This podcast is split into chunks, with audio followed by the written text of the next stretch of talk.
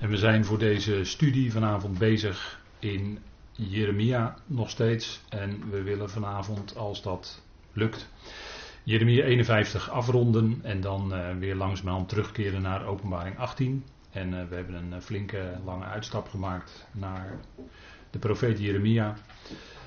We gaan kijken wat daar verder in te lezen is over Babylon. En we zullen in de pauze ook nog wat actualiteit met elkaar bespreken, maar die wordt niet live uitgezonden. En na de pauze dan uh, hopen we weer verder te gaan. Dus ik wil graag eerst met u daarom beginnen met gebed. Vader, we danken u dat we ook vanavond hier weer bij elkaar zijn. Dank u wel voor dat profetische woord dat zeer vast is. En zoals apostel Petrus zegt, het schijnt als een licht in een duistere plaats. Dank u wel dat in de tijd waarin we leven, dat evangelie van genade ons hart verlicht. En dat het profetische woord ons laat zien wat de ontwikkelingen zijn. En we zien daar ook in onze tijd zeker belangrijke zaken van. We leven in een bijzondere tijd met alle maatregelen die tegen het virus getroffen worden. We danken u dat we vaststaan op dat woord van u. En ons niet, la niet laten verontrusten door wat ook, omdat we weten dat alle dingen vast in uw hand zijn. En dat u liefde bent, Vader. Dat u ons nooit begeeft of verlaat. Dat u ons altijd draagt dag aan dag. We danken u dat we dat ons bewust mogen zijn. We danken u voor uw goedheid en trouw. Wilt u zo deze avond leiden mag het zijn tot opbouw en bovenal tot lof en eer van uw naam. En we danken u daarvoor in de machtige naam van uw geliefde Zoon, onze Heer Christus Jezus. Amen.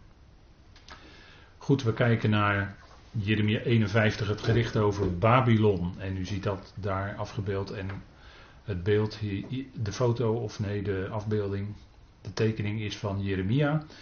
De geschiedenis uit Jeremia 19, waarin hij van de Heer opdracht krijgt om een pottenbakkerskruik te nemen en die met een aantal leiders van het volk in het dal Ben Hinnom bij de zogenaamde Schervenpoort kapot te gooien. En dat is dan weer tekenend voor het gericht dat plaats gaat vinden en plaatsvindt.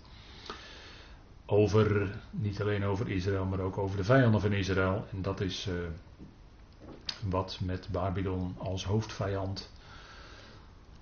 Zoals in een eerder gedeelte van deze hoofdstukken staat. Het uh, Babylon of Babel is leefkamai, dat is het hart van de tegenstander.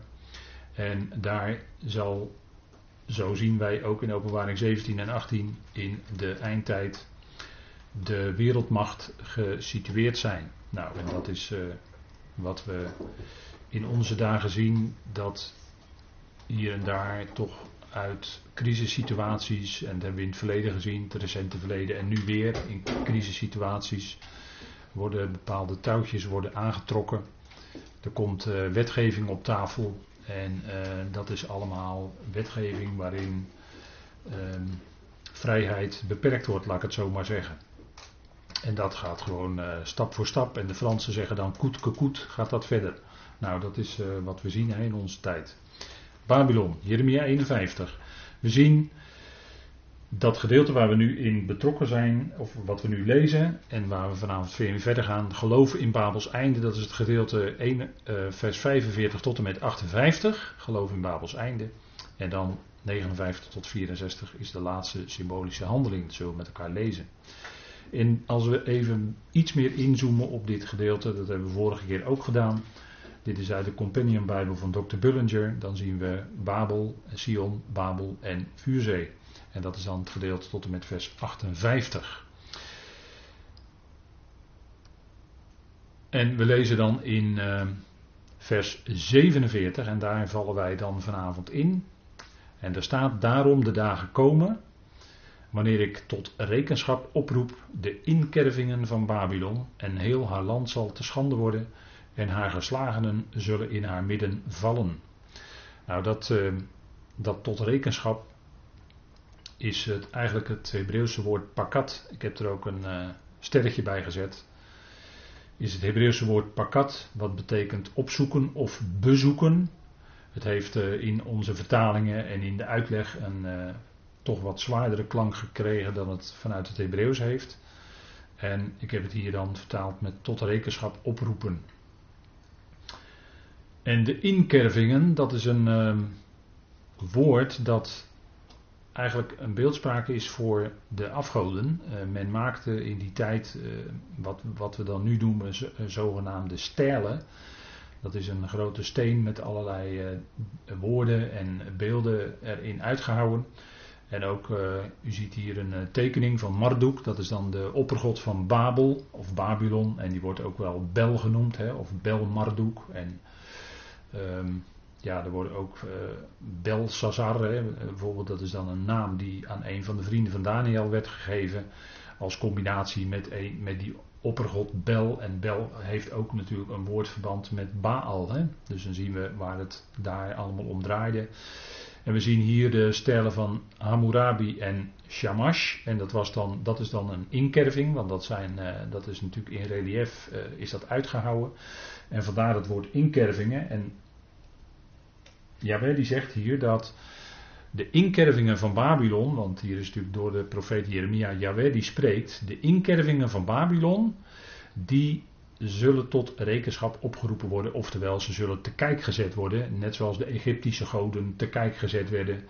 En uh, er is ook altijd een bepaalde versmelting van bepaalde goden, hè, Egyptische goden, Babylonische goden, uh, die komen dan weer terug in het pantheon van de Grieken en van de Romeinen, dat soort dingen. En dat is zo allemaal natuurlijk allemaal na te lopen als je dat eh, gaat nazoeken in Wikipedia. Maar die inkervingen, dat duidt natuurlijk op de afgoden van Babylon. En in de eindtijd zal Babylon natuurlijk ook het centrum zijn van de afgoderij. En het uh, zal worden, dat hebben we de vorige keer ook gezien, uh, woonplaats van de demonen en van onreine gevogelte en geesten enzovoort. En die zullen daar allemaal vastgehouden worden tijdens de duizend jaren tot aan het moment van het gericht. Marduk was de oppergod van Babylon. Je vindt dat ook wel terug in bijvoorbeeld de betiteling uh, Merodak. Er worden wel eens namen met het, met het woord, combinatie met het woord Merodak gebruikt. Nou, Merodak is dan in feite ook dat woord Marduk. Dat kun je dan wel terug herkennen.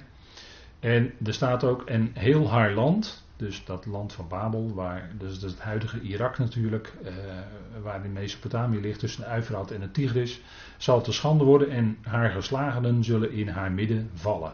En dat is in feite wat gebeurt, uh, wat al eerder gebeurd was in uh, Jeruzalem, in Juda, in, in Israël. Um, u weet dat um, de ballingen eh, die gingen 70 jaar in ballingschap. En dat betrof de ballingen uit Juda en Benjamin. Dus het, zeg maar het zuidelijke tweestammenrijk. En die werden in drie fasen weggevoerd. In 606 en ik meen in 602 of daar ben ik niet helemaal zeker van. En dan de laatste wegvoering gebeurde in 587 of 86 door Nebukadnezar. En dat is ook wel uitgebreid vastgelegd. En toen werden de inwoners van het land werden weggevoerd. En daar vielen natuurlijk ook doden bij, bij de strijd om Jeruzalem, bij de strijd om Juda. En daar vielen de geslagen ook in Jeruzalem. En uh, we zien die wederkerigheid, zeg maar, in de, in de diverse gerichten terug.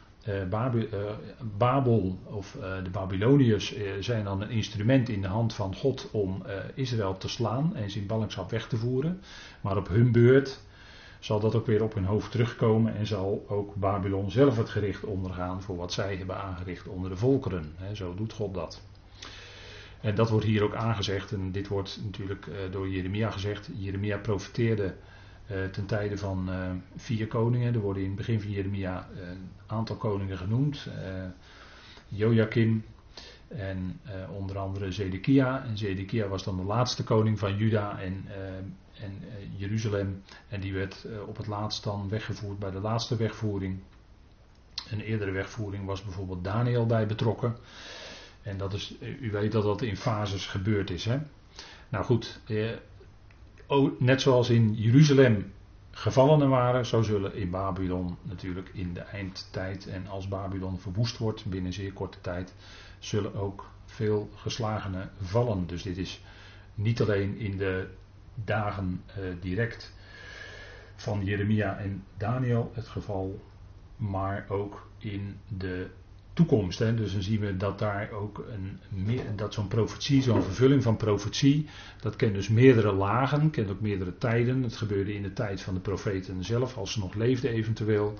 Maar het gebeurde ook daarna of in een ver toekomstige tijd. En dat zien we dan hier in het geval van Babylon. En we leven natuurlijk best wel in uh, historische tijden, want uh, Babel is natuurlijk gedeeltelijk herbouwd onder Saddam Hussein.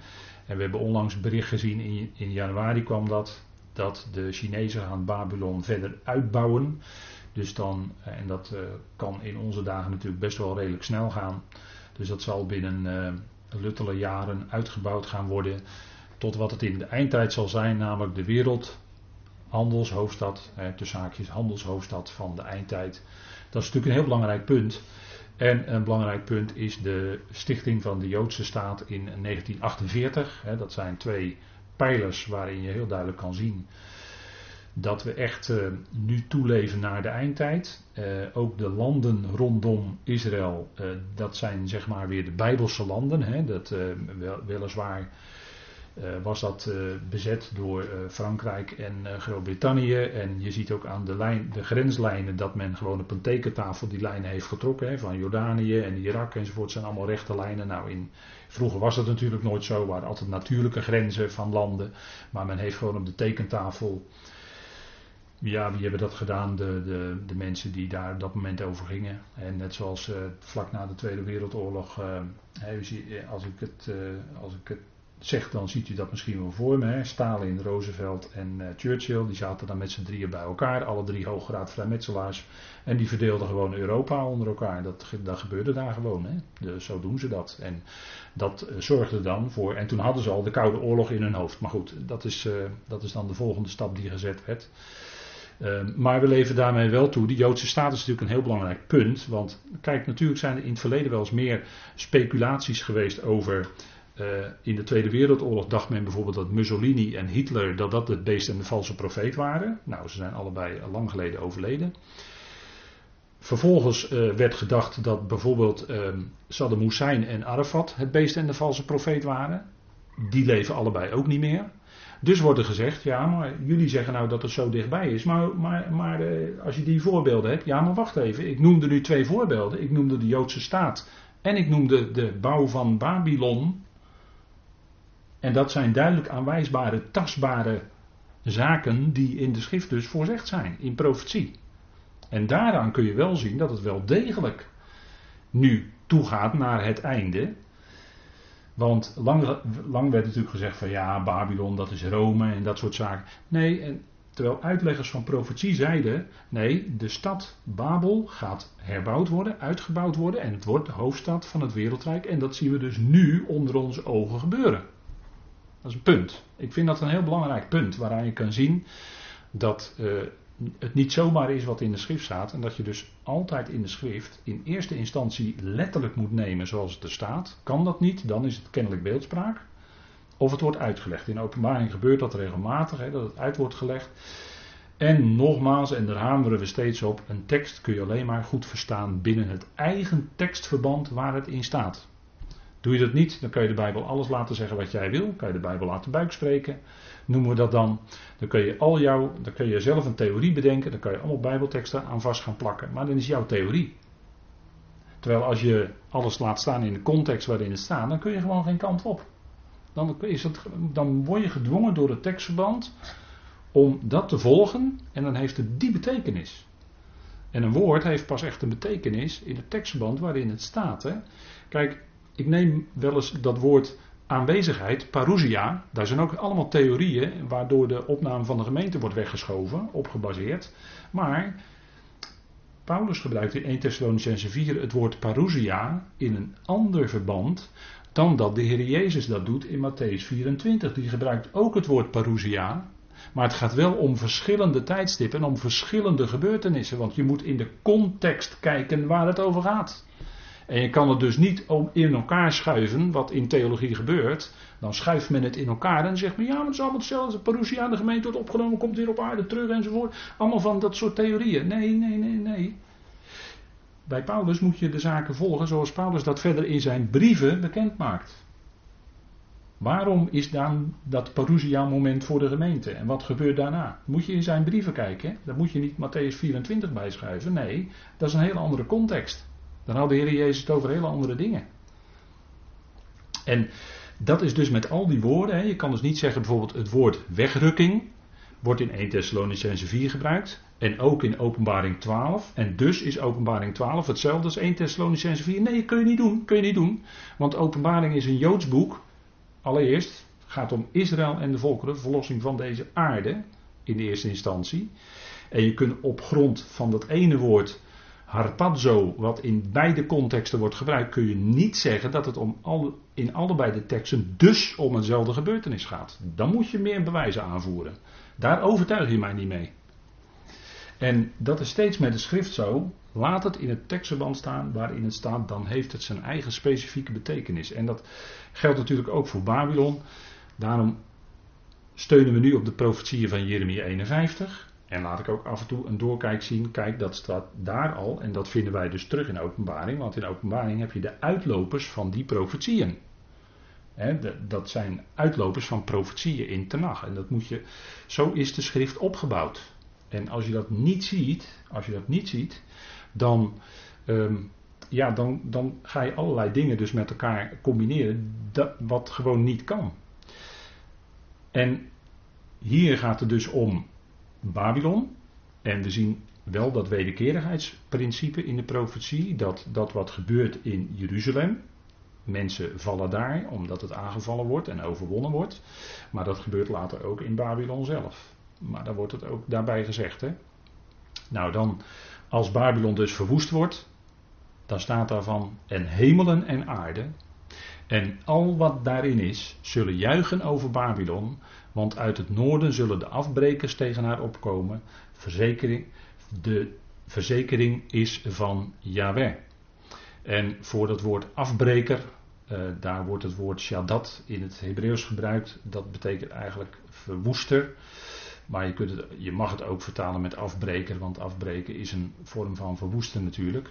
Maar als Babylon verwoest wordt, dan staat daar dat de hemelen en aarde en al wat erin is, dus het heeft ook een geestelijke dimensie. Het is niet alleen op aarde, maar ook in de hemelen. Hè, dus het zijn ook hemelse machten en krachten. Die zullen dan juichen over Babylon. En dan staat er uit het noorden zullen de afbrekers tegen haar opkomen. Hè. Er zal ook een tijd zijn, in, in, uh, wat in openbaring uh, aangegeven is, dat de volkeren, die zullen dan die stad en de wereldmacht die vanuit die stad wordt uitgeoefend haten en die zullen die vernietiging ook mede tot stand brengen. dus ze zullen tegen, als ze dan zien wat er gebeurd is, uh, ook onder andere mede op financieel gebied, dan zullen ze tegen die stad en de inwoners, uh, de machthebbers in die stad, zullen ze in opstand komen, de volkeren, en zullen dan die hele stad overstromen en verwoesten. Dus dit is wat we niet alleen in die tijd hebben gezien. Hè, Babylon werd natuurlijk meerdere keren overgenomen. Eerst door de Meden en de Persen. En later door uh, de Grieken. Hè. Alexander de Grote is later ook in Babylon uh, gekomen. En heeft dat veroverd en tot de hoofdstad gemaakt. En is op uh, jonge leeftijd eigenlijk plotseling daar ook overleden. Hè. dat was ook een opmerkelijke gebeurtenis. Alexander de Grote. Uit het noorden zullen ze opkomen.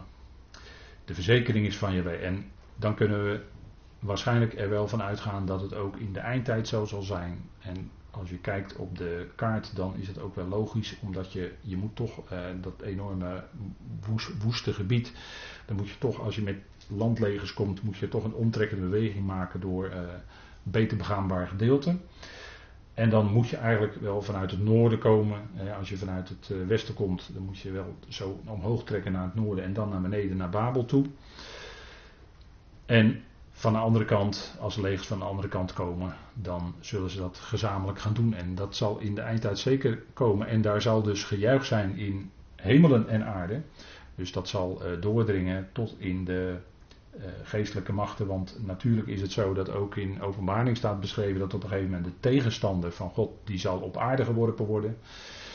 Zo zegt openbaring 12 dat. En dan zal die enorm tekeer gaan. Dat heeft er maar een korte tijd te gaan. Dat weet hij. En dat is uh, aangezegd en zo zal het ook zijn. Hè. De verzekering is van Yahweh. Die zullen opkomen.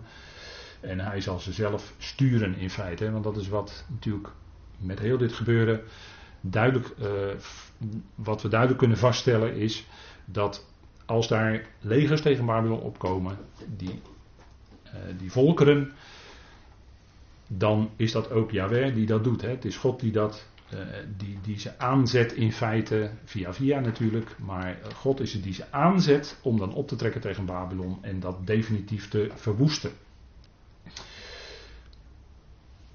En dan staat er bovendien, Babylon staat te vallen. Uh, staat een woord, uh, zou je zelfs nog kunnen vertalen met op het punt staan te vallen. Voor de geslagenen van Israël, zoals de geslagenen van heel de aarde gevallen zijn voor Babylon. En je kunt, uh, er staat hier het woord arets, en dat kun je natuurlijk vertalen met aarde. Dan heeft het betrekking op de droge aarde ten opzichte van de wateren. Maar je kunt het ook wat specifieker zeggen, vandaar even dat voetnootje wat ik erbij heb gezet. Uh, het land, hè? Je kunt het ook eventueel vertalen met het land en dan is het specifiek het land Israël. Maar goed, dat, is, dat moet u zelf lezen en overwegen. Uh, het lijkt erop dat dit gaat over de aarde.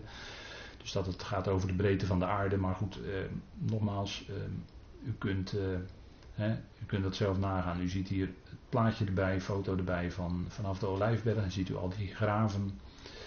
En het is heel duur als je daar begraven wil worden.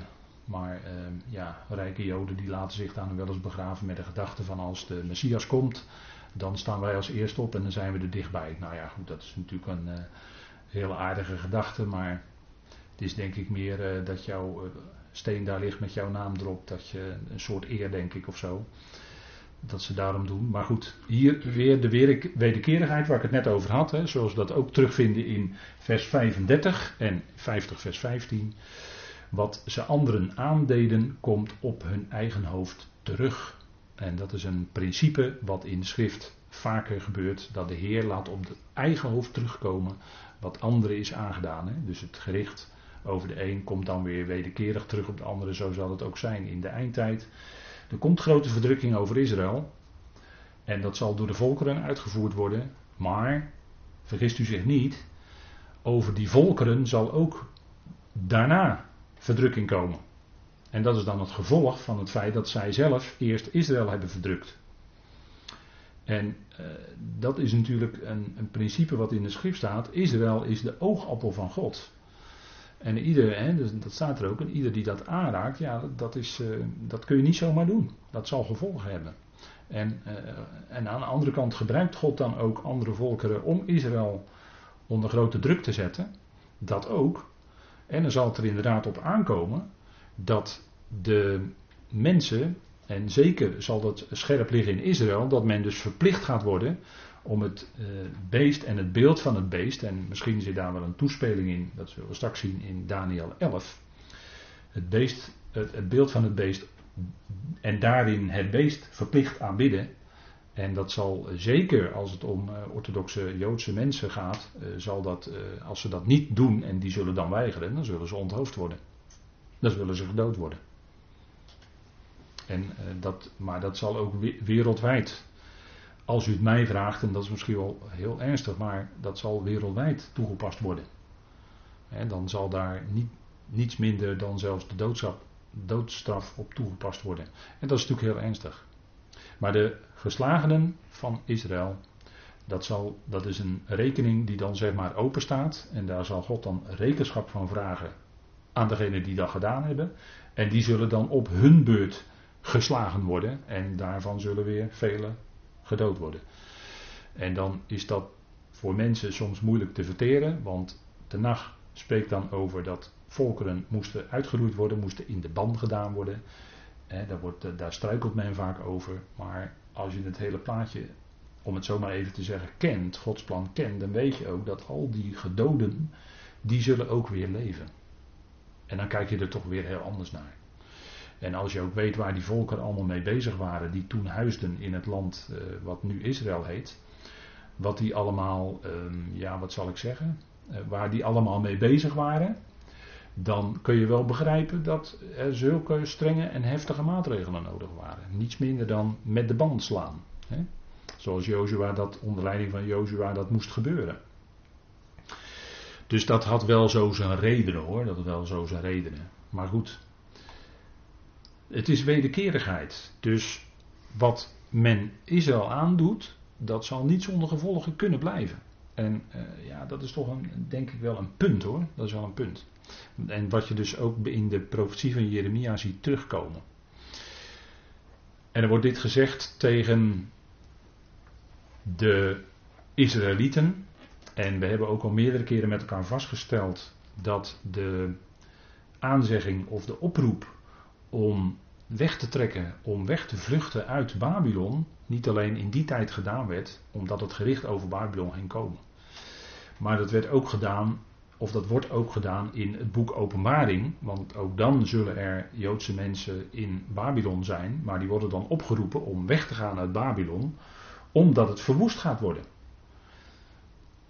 En daar wordt hier uh, iets van gezegd. Jullie die bevrijd zijn van het zwaard, ga, blijf daar niet.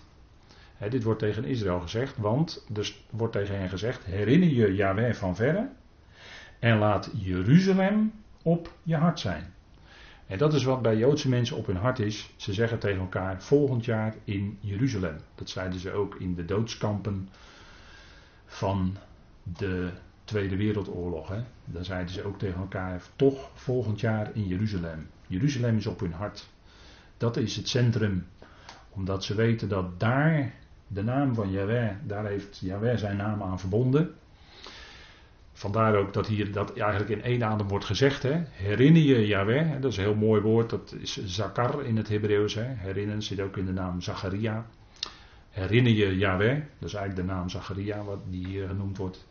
Van verre en laat Jeruzalem op je hart staan. Jeruzalem, hè, als je dat vertaalt, stad van welzijn. Dat woord shalom zit daarin. Dat is de stad van welzijn. Het oude Jebus dat door David veroverd werd op de Jebusieten. Maar dat heette daarna Jeruzalem. En je kunt het ook vertalen, en zo doet uh, de, als je kijkt in de, de Concordant uh, Nieuw Testament, dan zie je als letterlijke betekenis uh, bezit van vrede. Van de Hebreeuwse naam, want het is natuurlijk een Hebreeuwse benaming Jeruzalem, bezit van vrede. En misschien zit er ook wel iets toekomstigs in, dat zou ook nog zelfs wel kunnen. Maar dat woord bezitten, dat, eh, dat zit daar nadrukkelijk in. En dat is een prachtig lied hè, waar je dan aan denkt, uh, Jeruzalem, stad van goud. Hè, dat is, maar dat is wat de Israëliet, dat is wat de Joodse mensen op hun hart hebben. En ze zijn bevrijd van het zwaard, ze hè, ontkomen, zou je het ook kunnen vertalen. En er wordt daar gezegd, blijf daar niet. Blijf niet in Babylon. En, en nogmaals, uh, Babylon, uh, als je het wat breder toepast, uh, symbolisch toepast, dan staat Babylon eigenlijk voor het religieuze systeem. En um, ja, dat, dat, dat is dan steeds de roep. Hè? bij Paulus klinkt dat luid en duidelijk. Het gaat niet om religie, maar het gaat om Christus. Dat klinkt ook luid en duidelijk in de Colossensebrief, het tweede hoofdstuk. Het antwoord op de filosofie is Christus. En daarom predikte Paulus op die Areopagus in Athene, predikte hij ook de Christus. Als antwoord op alle filosofie. hij predikte vanuit die sokkel van de onbekende God. En hij predikte over diegene die gekomen was. En hij predikte ook over de opstanding. Ja, en toen hij het over de opstanding had, toen, liepen ze toch bij hem weg. Hè? Want dat was toch wel, uh, ja, dat was toch wel een beetje te fantastisch hè, in hun wereldbeeld. Opstanding uit de doden. En toch, en toch kende men dat wel in de, in de godenwereld van Babylon. Want uh, men had een bepaalde vruchtbaarheidsgod. En die uh, stond dan in het voorjaar. Gek hè? Die stierf dan. En dat was in het voorjaar. En in de voorjaar stond hij ook weer op de vruchtbaarheidsgod. Want dan in het voorjaar gaat alles natuurlijk weer uitspreiden. Dan komen de eitjes en dan gaan we de eitjes zoeken enzovoort in de tuin en noem alles maar op. Hè. En, en het is toch heel merkwaardig dat men dan zulke gebruiken heeft. Uh, ja, juist in het voorjaar. Hè.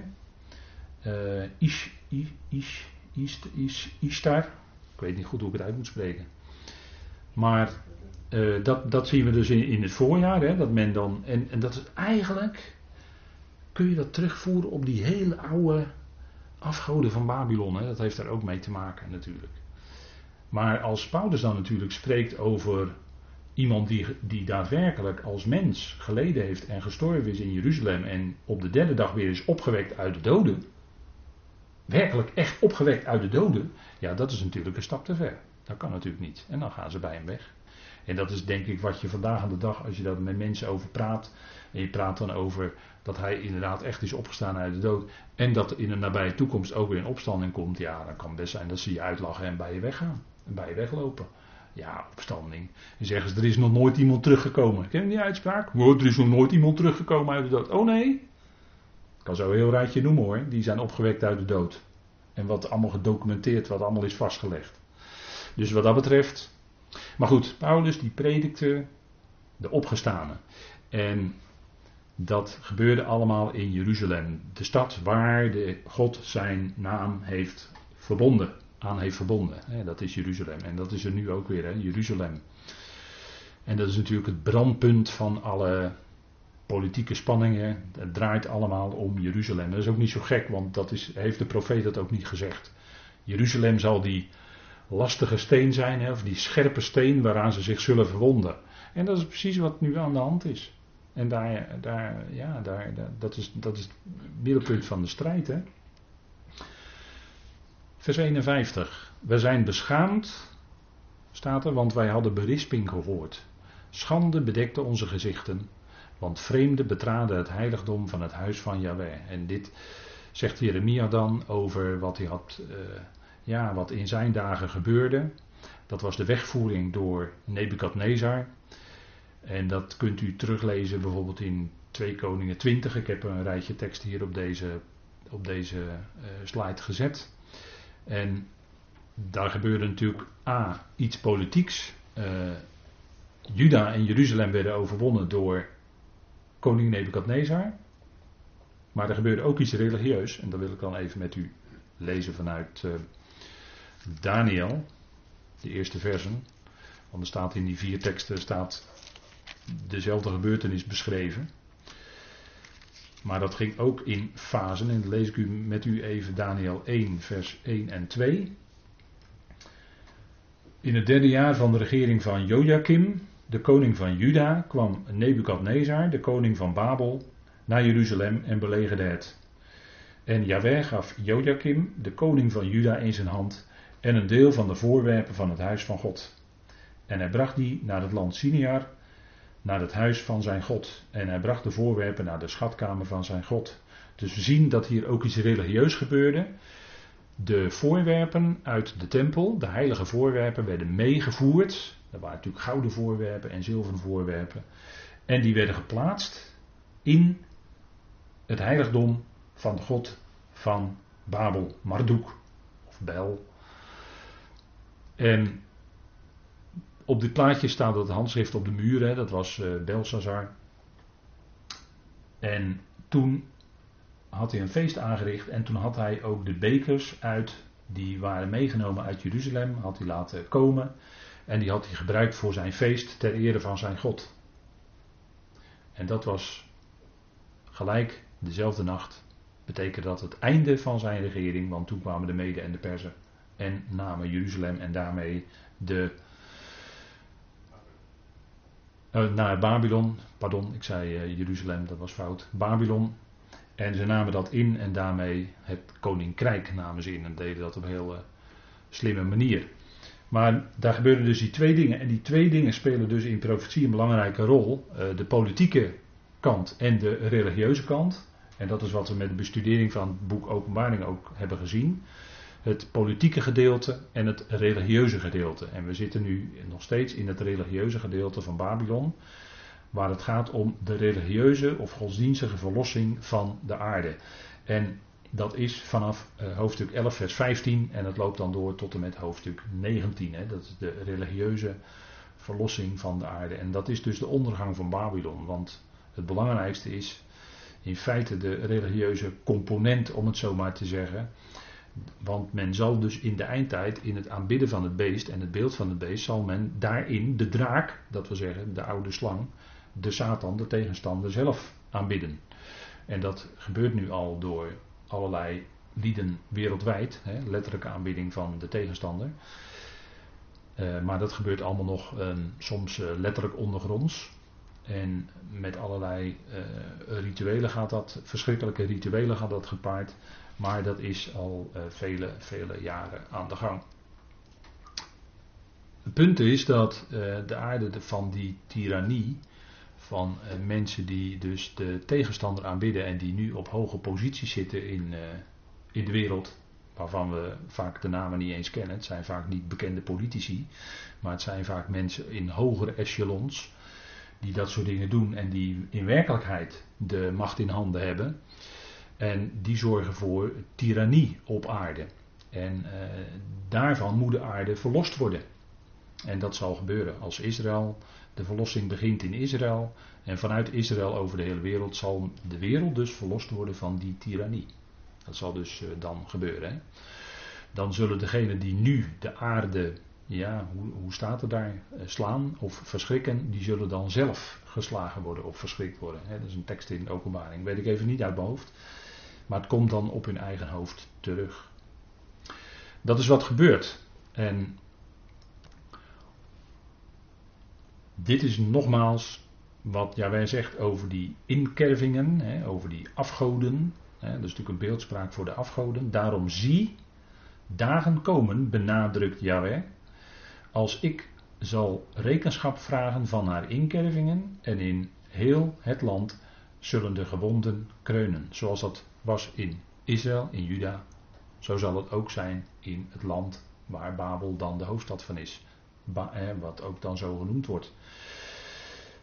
Dat zal ook zo zijn in de eindtijd. Daar zullen velen, velen in, in, in een strijd tegen Israël ook de dood vinden. er zal zelfs een leger van 200 miljoen op de been gebracht worden. En vele, vele daarvan zullen de dood vinden. En Babylon zelf zal in één dag verwoest worden. En dan zal al die luister, al die heerlijkheid zal te gronden gaan. En dat heeft te maken natuurlijk met die afgoderij, want dat daar. En we hebben ook gezien in de bespreking van openbaring tot nu toe, dat als de gerichten komen, dan zijn de gerichten die besproken worden of uitgesproken worden in het tempelgedeelte van openbaring, zijn zwaarder en ernstiger en dieper ingrijpend dan de gerichten die in het politieke gedeelte genoemd worden. En dat is natuurlijk omdat het dan gaat om de aanbidding. Men doet dan niet langer, eh, men aanbidt niet langer God, Jaweh, maar men aanbidt de tegenstander van Jaweh. En dat, is, dat neemt Jaweh natuurlijk heel hoog op. En daar komt zijn verontwaardiging over. Want dat zegt hij ook in uh, bijvoorbeeld Romeinen 1, hè, via Paulus. Dat daar waar men het schepsel gaat vereren boven de schepper. En men drukt dat dan uit in allerlei. Hè, dat is een, het is een uh, neergaande reeks. Hè, men eindigt dan bij viervoetige en kruipende dieren. Die gaat men dan aanbidden in plaats van de God van de hemel. De, de God en Vader van onze Heer Jezus Christus. Dan komt daarop staat in, in Romeinen 1, de verontwaardiging van God. Waarom? Omdat men God niet langer als God verheerlijkt en dankt. En niet langer als schepper erkent, daar begint het mee. Maar ook niet langer als plaatser, als God eert en dankt. En accepteert dat de plaats die het toegewezen is in dit leven, dat dat de door God gegeven plaats is. De plaats waar we nu in zijn, is door God aan ons gegeven. En het punt is dat die inkervingen, daar gaat het dan om eigenlijk. Daar komt die verontwaardiging van God op. en dat, dat, eh, we hebben gezien vorige keer dat het, woord, dat het woord voor verontwaardiging te maken heeft met neusgaten. Dat, dat iemand, eh, als je hevig verontwaardigd bent, dat je dan eh, sneller gaat ademen vanwege die verontwaardiging. En dat dan door je neus gaat en dat is soms zelfs te horen. Vandaar dat dat woord af in het Hebreeuws daarvoor gebruikt wordt. Nou, inkervingen, en in heel het land zullen de gewonden kreunen. Het zal een enorm gericht zijn. Het definitieve eindgericht over Babylon staat in Openbaring 18 beschreven. En dat wordt hier in feite ook al aangekondigd. Hè? Want hoewel Babylon op zou stijgen naar de hemelen, en hoewel zij haar vesting tot de hoogte versterken zou, van mij zullen de afbrekers of verwoesters tegen haar opkomen, verklaart Yahweh. En dat is de, de, de, het opklimmen in, in, uh, in trots en in hoogmoed van wat Babel zal doen. En dat was in het verleden natuurlijk ook zo. Wij blijven op de plek waar we zitten, Genesis 10, 11. Hè. Wij blijven op de plek waar we zitten en we bouwen daar een grote toren en we gaan ons niet verspreiden over de aarde zoals God gezegd had. En uh, Nimrod, Nimrod wordt natuurlijk verbonden met Babylon. Het beginsel van Nimrod, die wilde zelf koning zijn. Hè, koningschap. Hij wilde zelf koning zijn, eigenlijk in plaats van God. Het beginsel van Nimrod was Babel. En hij bouwde een toren hè, met eigen mensenhanden. En dat duidt natuurlijk op de eigen werken ook van de mens. En eh, je, je, kan daar ook uh, zien, in, in, hè, als je wat doorkijkt, zie je daar ook het religieuze van de mens. Dat de mens het met eigen handen wil doen. In plaats van uh, God te erkennen als God dat hij het doet. En, en dat is, hè, daar, vandaar die, het bouwen met, hoe noemen ze dat in de Statenvertaling, tichelstenen geloof ik. Hè. Nou, daar waar de mens dus met zelf gemaakte stenen, zelfgemaakte met eigen handen stenen gaat bouwen, dan is dat in feite het beginsel Babel. En is dat in feite religie, want je wil zelf met je eigen handen iets bouwen, in plaats van dat je het allemaal verwacht van God. En dat is, uh, wat je het, dat is het beginsel wat met Babel te maken heeft, hè? Nimrod. Nou, en dat is door de hele Bijbel heen, heeft dat, hè, is dat dus eigenlijk het Babylonische principe. En die hè, dat, dat zich willen verheffen tegen God. Dat, dat zie je dus in de profetie. En het is wel eens goed om dat misschien toch nog even een keer bij elkaar te zien. Zie je in de komst van die ene wereldleider van de eindtijd. Die in feite datzelfde doet. Hè? In Daniel 7 was die aangekondigd. En uh, ja, het fotootje hierbij is een afbeelding, een oude afbeelding zoals die toen de tijd gemaakt is van Nebukadnezar.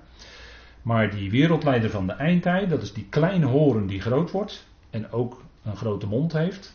Hij zal uitspraken tegen de Allerhoogste uiten. Staat in Daniel 7, vers 25. Daar wordt hij onder andere aangekondigd. Hè? En hij zal intentie hebben om vastgestelde tijden en een edict te wijzigen. En ze zullen in zijn hand gegeven worden voor een tijd, tijden en een halve tijd. eigenlijk staat er dan ehm, een halve tijd staat, ja, voor het woord half staat eigenlijk een woord wat we ook kennen in de naam Peleg. En u weet wat er bij Peleg gebeurde toen werd de aarde verdeeld. Hè? Dus een, zeg maar een gedeelde tijd. Hè? Dat woord heeft te maken met iets delen. Maar goed, we, we herkennen daarin wat later ook gezegd wordt. Ehm, drieënhalf jaar, hè, zeggen we dan. Uh, eh, 42 maanden. En uh, eh, 1260 dagen. Hè, een jaar in in de schrift, in profetie, is 360 dagen. En als het 1260 dagen is, is het precies 3,5. Dus tijd, tijden en een halve tijd. Dan zullen ook de heiligen van de Allerhoogste in zijn hand gegeven worden. De, de wetten en de regels zullen in zijn hand gegeven worden. En dat zal zijn voor een tijd, tijden en een halve tijd. Dat is die wereldleider van de eindtijd. Die uh, bijvoorbeeld ook genoemd wordt, uh, ook iets verderop in Daniel 11, vers 36. In de koning van het noorden. En er wordt van hem gezegd, van die koning van het noorden, en de koning doet zoals het hem aanstaat, en hij zal zich verheffen, daar heb je het weer, hè, principe van Babylon, zich verheffen, boven elke god, en tegen de god van de goden zal hij buitengewone oneerbiedigheden spreken, en hij zal voorspoedig zijn tot het gevaar is voleindigd, want wat besloten is, zal gedaan worden. Het wordt hem ook in zijn hand gegeven.